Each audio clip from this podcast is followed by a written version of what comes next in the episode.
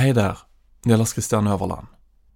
Om du gir meg et par minutter, skal jeg fortelle deg om framtida til en mørk historie, og hvordan du kan få tilgang til alle serieepisodene med en gang, før alle andre. Vi på Third Air Studio vil lage noen av Norges beste dokumentarer, og vi fortsetter å produsere en mørk historie, oftere og enda mer ambisiøst. For å gjøre det trenger vi din støtte. Derfor lanserer vi nå en tjeneste som heter Third Air Plus. Der kan du som lytter via Apple Podcaster eller Acast, bli abonnent. Du kan forhåndslytte til alle episodene med en gang vi slipper nye serier, uten å bli forstyrra av reklame. Og etter hvert ønsker vi å slippe eksklusive episoder, kun for deg som abonnerer. Og kanskje helt egne programmer. Takk for at du har lytta så langt.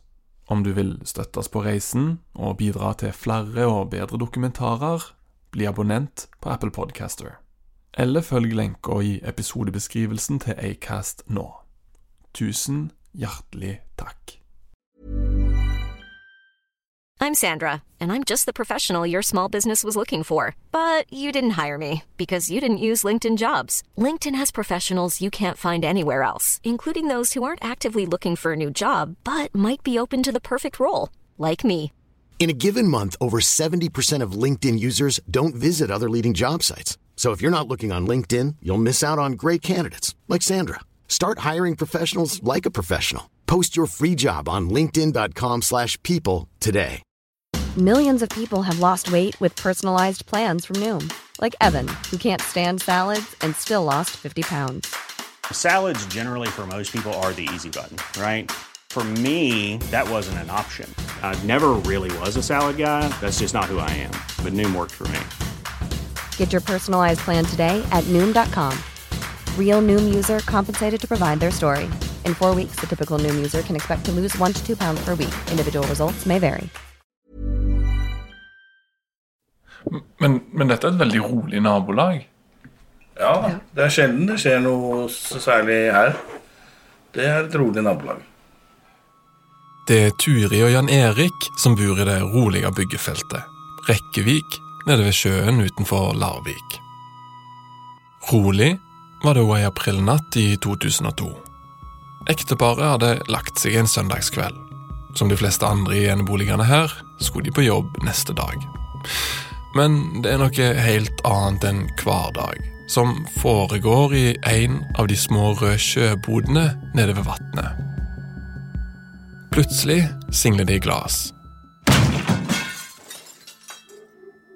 En mann løper rett gjennom ei verandadør på en av sjøbodene.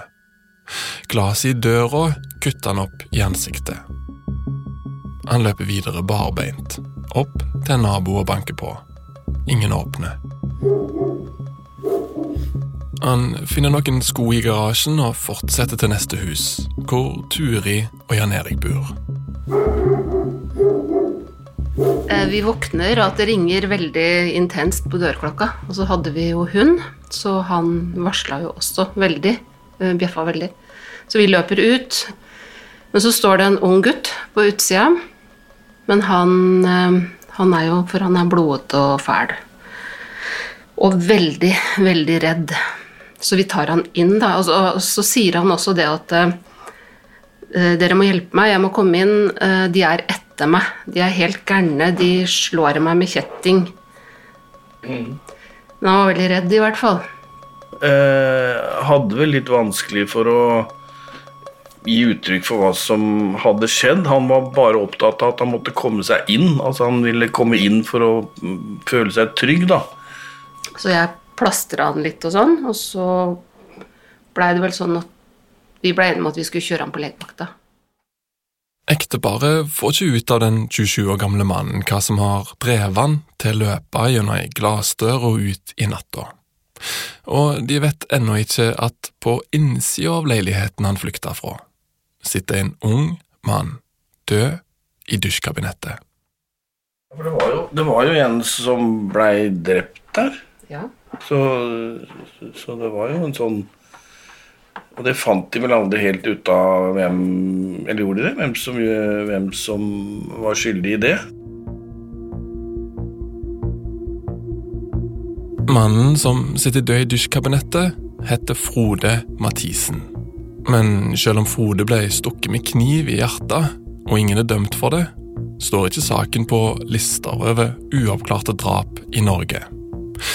Fordi politiet regner saken som oppklart. Hvordan går det an? Du hører på en mørk historie. Det glemte drapet, del én av to.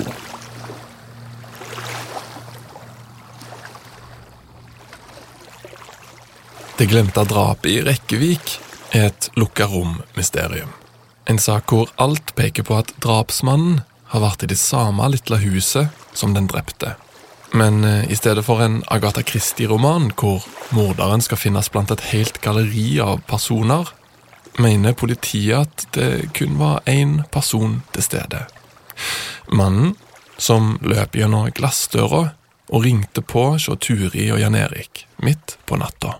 Den eneste andre muligheten er at en gjerningsmann, som fortsatt er ukjent nesten to tiår seinere, har sneket seg inn og drept Frode i dusjen. Det er derfor familien til den dreptes bistandsadvokat Frode Samuelsen mener denne saken egentlig handler om én ting. Ja, så den handler jo om eh, bevis. Drapet på Frode Mathisen gikk første gang for Larvik tingrett den 8. november 2002. Her var hovedtiltalte den samme mannen som løp gjennom glassruta. Siden han ikke er dømt for drapet, og ikke vil uttale seg til denne historien, bruker vi ikke navnet hans. Vi kaller han i stedet for Jon. Jon var ikke bare tiltalt for drap men ord ha utøvd vold mot Frode og har vært i besittelse av narkotika. Som anklagepunkter virker det kanskje fælt. Men det er ingenting mot det som vitner i retten kunne fortelle at Frode ble utsatt for før han ble drept. Ja, dette er jo ren tortur. Frode var ikke bare fanga i sjøboda den natta han døde. Han hadde hun blitt fanga i et edderkoppnett. Den underverden vi sjelden får høre om. Hvor det finnes en indre justis med helt andre lover enn de som domstolene dømmer etter. Hvor én og samme person kan opptre som påtalemakt, dommer og bøddel. Rettsboka fra Larvik tingrett beskriver de horrible detaljene de siste to dagene i Frode sitt liv hvordan problemene oppstår når en pose med dop har forsvunnet. Den eh, forteller hvordan den mistenkte Jon deltok i mishandlinga av Frode. Om hvordan de to var venner som hadde kjent hverandre i årevis. Men rettsboka forteller ikke hvordan Frode havna i denne underverden. Og heller ikke hvordan det uoppklarte og glemte drapet stadig kaster skygger. Så det er enten ja eller nei, frifunnet eller ikke. Og så går han da ut som fri mann, og, så, og vi, vi er jo da dømt til en helt annen type liv enn det vi hadde før, før det her skjedde. Når noen dør på en så brutal måte som Frode Mathisen, rammer konsekvensene langt utover den drepte. Som for eksempel foreldrene til Frode. Altså, Er du, er du alene hjemme nå, eller har du din mann der òg? Nei, mannen min har ikke kommet hjem, men han tar seg en blund. Han tar seg en blund, ja. Ja, Han hører ja. når han hører det, ja. Han hører det, og det er bra. God dag, sier han. God dag, du må, du må hilse så mye. Ja. Vil du snakke med han? Jeg, jeg trenger ikke forstørre han hvis han skal ta seg en blund, altså. Jo, han kan det. Ok, ja. Ja. Hallo, ja, Erik Mathisen her. Hei, Erik. Det er Lars Kristian. Hallo, hallo. Ja, Anne Grete har blitt rammet av slag, men jobber nå for å komme seg opp av rullestolen. Mannen hennes, Erik, er fortsatt i jobb, og på mange måter den som holder familien sammen. Hvordan er det med dere om dagen? jo, det er for så vidt greit nok, men uh, det, kona hun sliter vel uh, mye mer enn uh, noen andre av oss, egentlig. Ja, Rune òg kanskje, men jeg har liksom skal jeg si, I forhold til hele saken så har jeg, jeg har gjort meg opp en mening, og den har jeg funnet ut at den Fram til nå så har jeg måttet leve med den. Problemet er at den historien som Erik har bestemt seg for å leve med, fortsatt bare en historie. Uten dom har saken ingen offisiell avslutning. Den eneste som stadig er i live og som vet hva som skjedde i sjøboden, er mannen vi kaller Jon. Ifølge dommen fra tingretten tilsto Jon å ha deltatt i mishandling av Frode sammen med to andre fra miljøet. En torpedo og en mann vi kaller Kenneth. Vi skal vende tilbake til hvordan alt starta i neste episode. For å være med nå er det eneste du behøver å vite at Frode er mistenkt for å ha stjålet en pose dop på en fest. Den natta han dør, har Kenneth, torpedoen og Jon forsøkt å få han til å innrømme tjuveriet med å avhøre og torturere han i mange timer. Foreløpig har de gitt opp, og Kenneth og torpedoen har kjørt til en annen fest med to jenter. Jon er nå alene med Frode. Derfor har vi kun hans versjon av det som skjedde i sjøboda. Ifølge Jon roer stemninga seg. De drikker pils og hører på musikk. Så sier Frode at han vil ta en dusj. Etter noen timer kommer bilen med torpedoen, Kenneth og de to jentene tilbake til festen. De finner Jon sovende på sofaen med ei dyne over seg.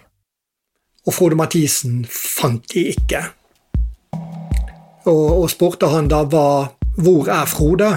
Og presis hvilke ord Jon bruker her, er vitnene litt uenige om. Men ifølge alle fire vitnene som kom inn torpedoen, Kenneth og de to jentene, forteller Jon at Frode er død. Eh, og så begynte de da å lete etter Frode. Så fant de altså da Frode Mathisen død inne i dusjkabinettet.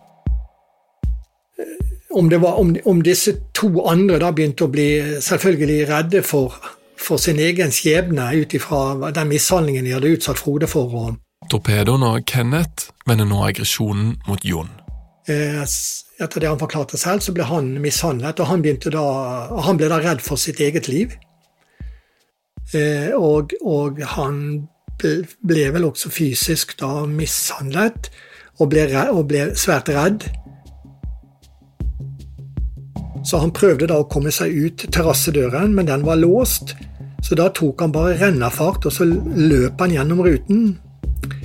Eh, altså knuste ruten og kom seg ut den veien, og løp da av gårde eh, til nabohus, hvor han ringte på og, og fikk hjelp. Jon har sprengt seg ut av det lukka rommet. Og det er kun han som kan fortelle presis hva som skjedde på innsida. Det gjør han òg, f.eks. i Larvik tingrett, hvor han i første omgang dømmes for drapet. Et år seinere frikjennes han i lagmannsretten. Dette kommer vi tilbake til i neste episode. Hvilken eh, gutt var Frode når han vokste opp? Ja, skal jeg si. Han øh, var den nysgjerrige typen. Fra han øh, var født til han blei borte fant seg fort til rette blant uh, alle mulige mennesker, men uh, spesielt i eldre dager, hvis en kan kalle det det, så hadde han veldig lett for å uh, ty til jenter. Ok. Ja. Hva, hva, betyr det? Ja, altså han, han, var populær hos alle. Alle jenter. Han var jo en raser til å danse. Og hadde jo vært da med i NM i breakdance, f.eks. Der hadde han jo vært med. Eller når han uh, var og dansa og alle lo han liksom, men uh, han, uh, han dansa med ti jenter, eller hvor mange det skulle være, liksom. Mora. Ja, og, og mora. ja da. Nei, så det er eh, Vi har eh, heldigvis flere gode minner enn vi har dårlige minner. Når han vokste opp, da, så var han jo en Ja, veldig aktiv som liten. Og øh, sånn som eksempel da vi begynte å, eller han begynte å gå på ski, da. Skulle gå da være med i løp. Men øh, han Det var en sånn propell, vet du, som du skrudde opp, og så gikk han som søren. Og så sier jeg liksom har gått ei stund, og så stoppa han. For han var jo først Han starta jo først av alle, for han var minst. Så nei, da satte han seg ned. Da skulle han vente på alle de andre kom. Den lille gutten med propell i rumpa hadde ikke problemer med å løpe fra alle de andre på ski. Til gjengjeld var det vanskeligere for han å senke hastigheten. Han eh, satt aldri stille når han var på folkeskolen. Og eh, det var eh, Han skulle liksom Skulle si eh, Skulle kjekke seg. Eh, han også en par andre. Og det gjorde at eh, læreren hadde sin fulle hyre med å styre de her tre, da. Det hele ender med at Frode og den andre gutten må skifte skole. Ikke spesialskole, men en skole som var litt eh, mer tilrettelagt eh, for de som eh, ikke fant seg til rette på normalskolen. Etter hvert begynner Erik å tenke at alt sammen kanskje ikke handler om at sønnen ikke vil oppføre seg. At det må være noe annet i veien. Rune, den andre sønnen i huset, er ganske rolig og passer godt inn på skolen. Det er da noen tips Erik om noe som heter ADHD. Sånn som i forhold til på skolen, da, så var det jo ingen som visste hva det var for noe den gangen. Jeg var jo på biblioteket og fant bøker da på engelsk og tok det med opp til lærerne på skolen. Og de hadde jo ikke hørt om det. Det var én person, mente jeg, som var på skolen som hadde hørt om det.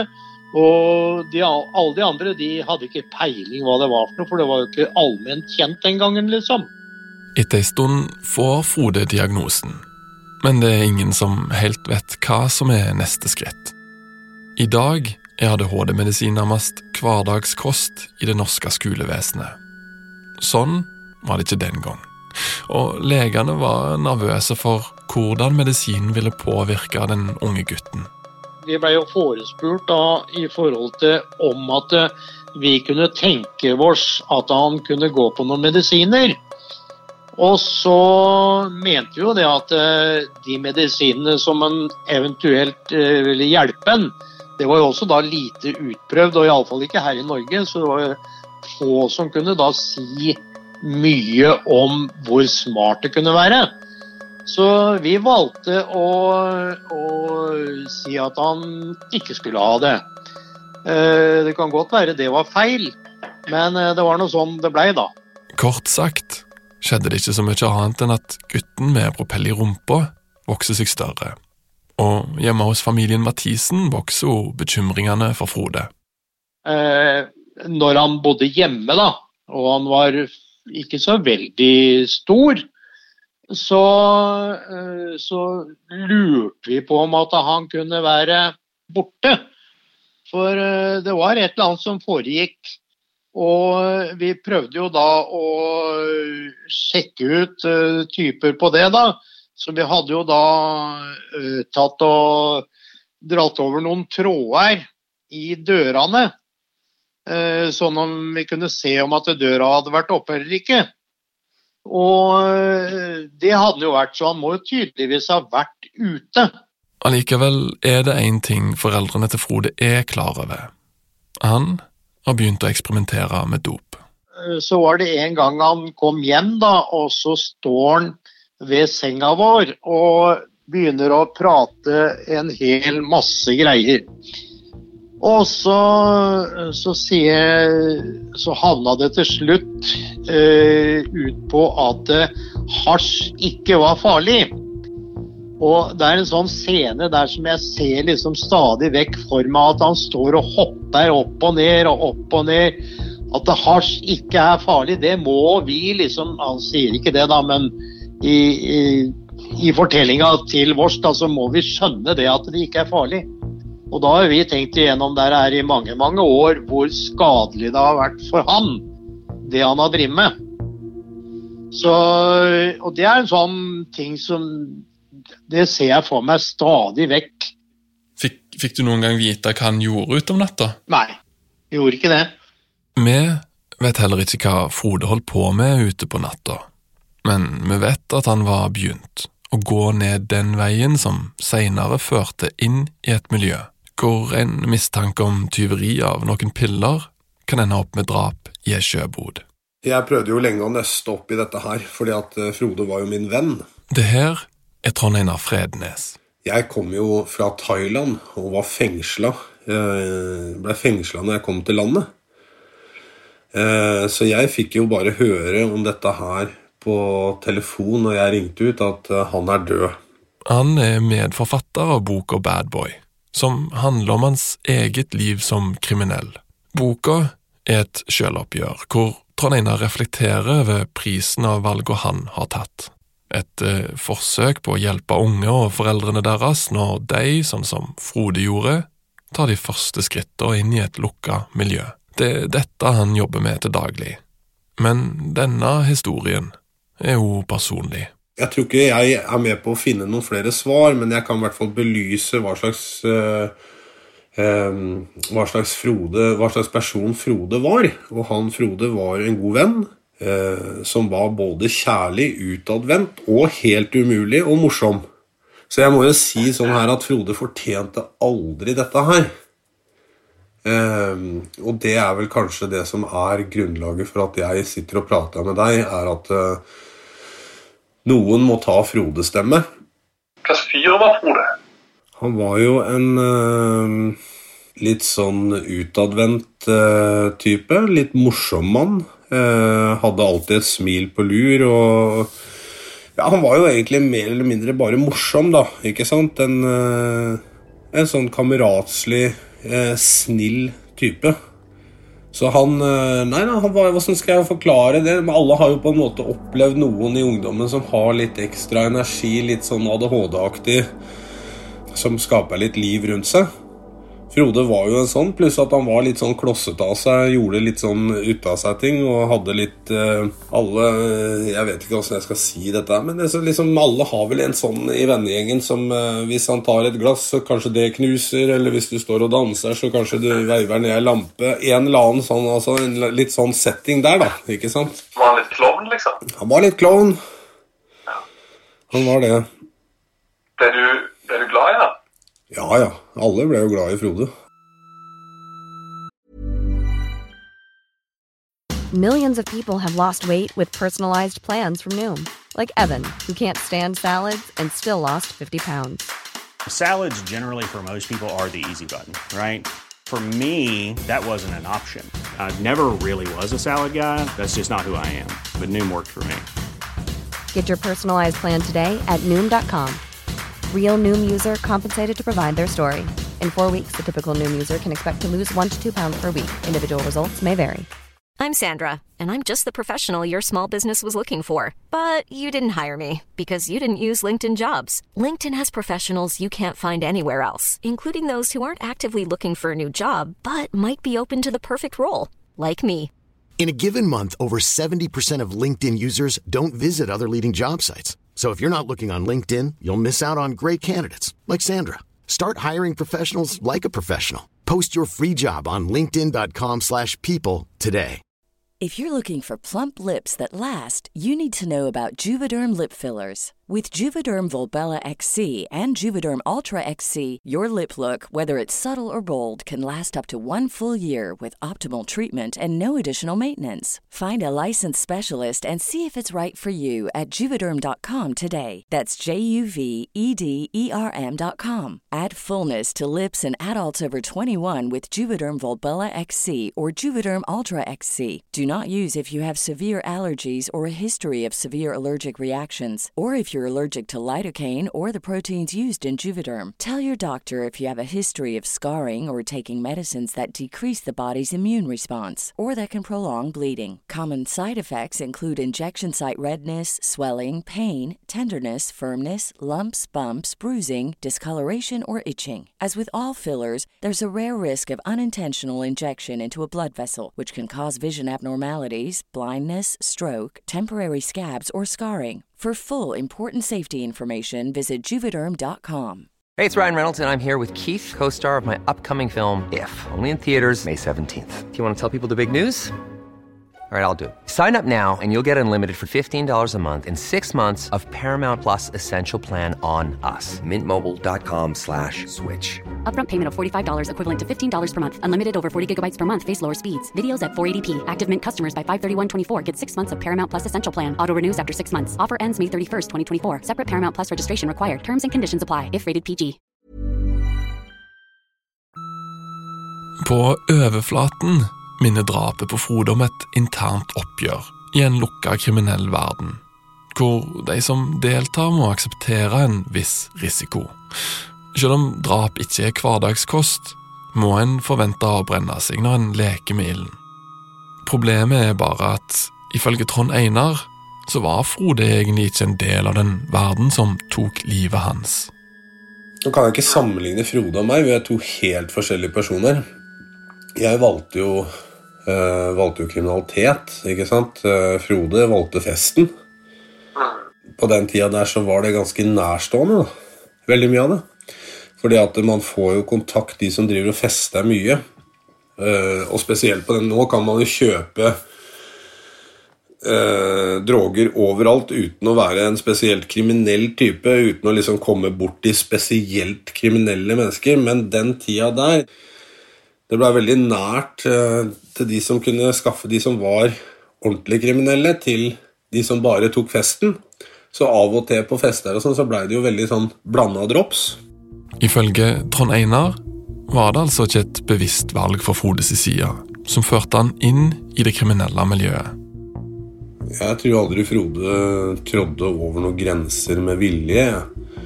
Jeg tror nok Frode var en utadvendt eh, Eller jeg vet jo at Frode var en utadvendt, morsom type.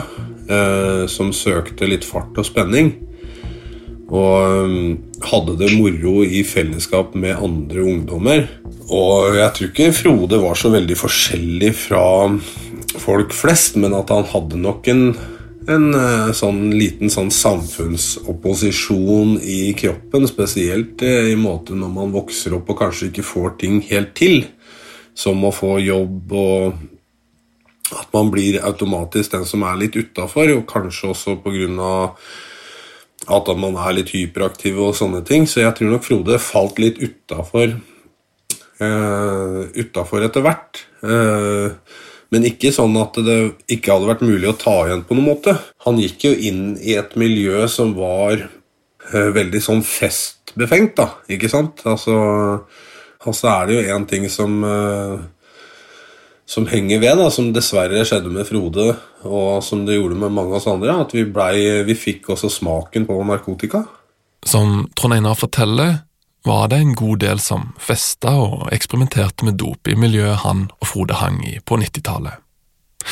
De fleste la etter hvert livet bak seg og fikk jobb, familie og Weber-grill. Så hva gikk galt for Frode? Etter hvert så, så, gikk det jo ikke så bra med Frode. Altså Fra å være en utsvevende type som eh, som festa eh, mye, ble på en måte en type som ikke hadde så mye penger. Eh, ikke spiste så mye, blei litt tynnere. Eh, fikk en litt sånn mørkere del av livet, da. Um, alvoret begynte å komme fram, så der på en måte vanlige folk begynner å snu og ta seg sammen, og sånne ting, så hadde nok han dukka litt etter den søte kløe, kommer ofte den sure svie, og han hadde vel også begynt å kjenne litt på det livet at det der At det hadde et alvor nå, da, istedenfor bare rus og moro. Så han, eh, han sklei vel sakte, men sikkert inn i, eh, i noe som var litt, eh, litt, mørkere, med litt mørkere mennesker. Folk som Ja. Det er en veldig lett sånn overgang. vet du, På den tida der så var det på en måte Du visste jo aldri hvem du møtte. Uh, og sånne ting. Det var jo ikke sånn at man kunne bare dra opp Facebook eller finne opp ditt eller alt sammen. Det var jo liksom folk, Det gikk jo litt på rykter og sånne ting, og, og, og hvem, hvem, mennesker var. Man satt jo der med Nokia-telefonen sin og sant, ringte hverandre og skrev meldinger i god tro om at kanskje den man møter, er, er et godt menneske, eller, eller omvendt. da, At man skulle på en måte på en fest og ikke bli involvert i noe. Ja. I neste avsnitt går vi dypere inn i den mørkere delen av festmiljøet som Frode begynte å gli inn i. Den verden som den ellers så glad og åpne sønnen ikke lenger fortalte om til familien. Når det kom såpass lenge at eh, han hadde vært såpass mye borti dopet, da, så da var det mer og mer sånn at han ikke fortalte så mye. Men eh, når han var yngre, da, da fortalte han jo om liksom, hvis han hadde vært ute med ei dame eller hva det kunne være, så så kunne han fortelle oss hva som hadde foregått osv. videre Sånn.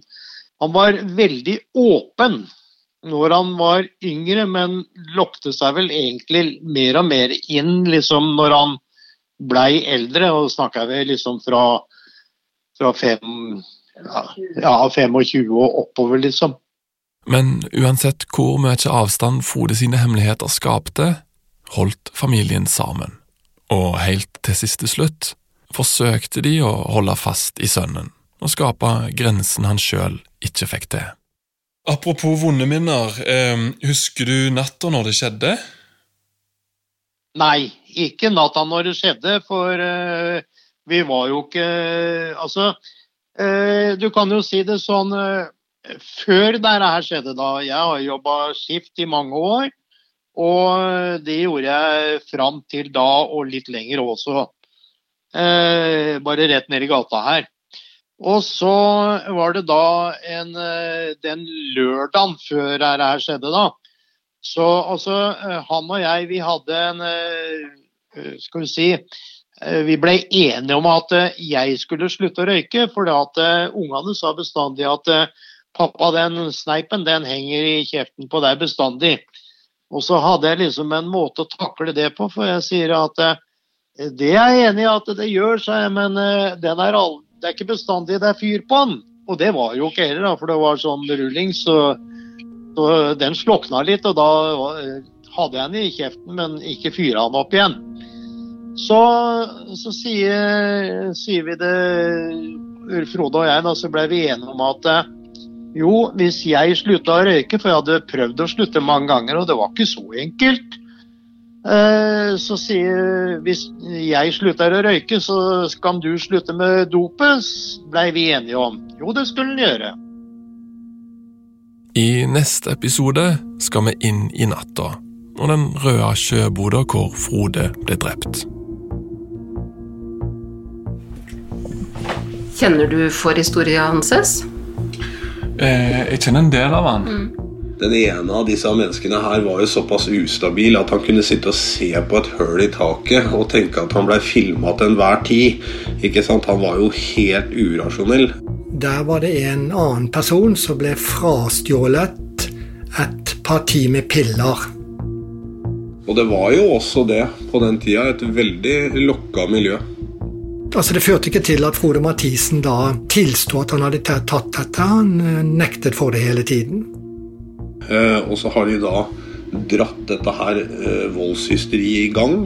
Og så har de ikke skjønt når skal vi stoppe. De har ikke hatt, eh, de har ikke hatt en plan. Fikk han Frode Mathisen da, til å krabbe rundt på gulvet og bjeffe som en hund, og drev og sparket han og plaget han i den forbindelse. Så det har bare fortsatt uh, i det vide og det breie. Så er det helt uforståelig hvor kniven har kommet fra som drepte Frode en av disse sykepleierne da, som var med den ambulansen, da, som mente å ha sett en person løpe fra åstedet. Ja, han har sikkert uh, havna borti et miljø eller noen han ikke burde vært sammen med. Men, men at han har drept noen eller gjort noe annet, det tror jeg ikke noe på.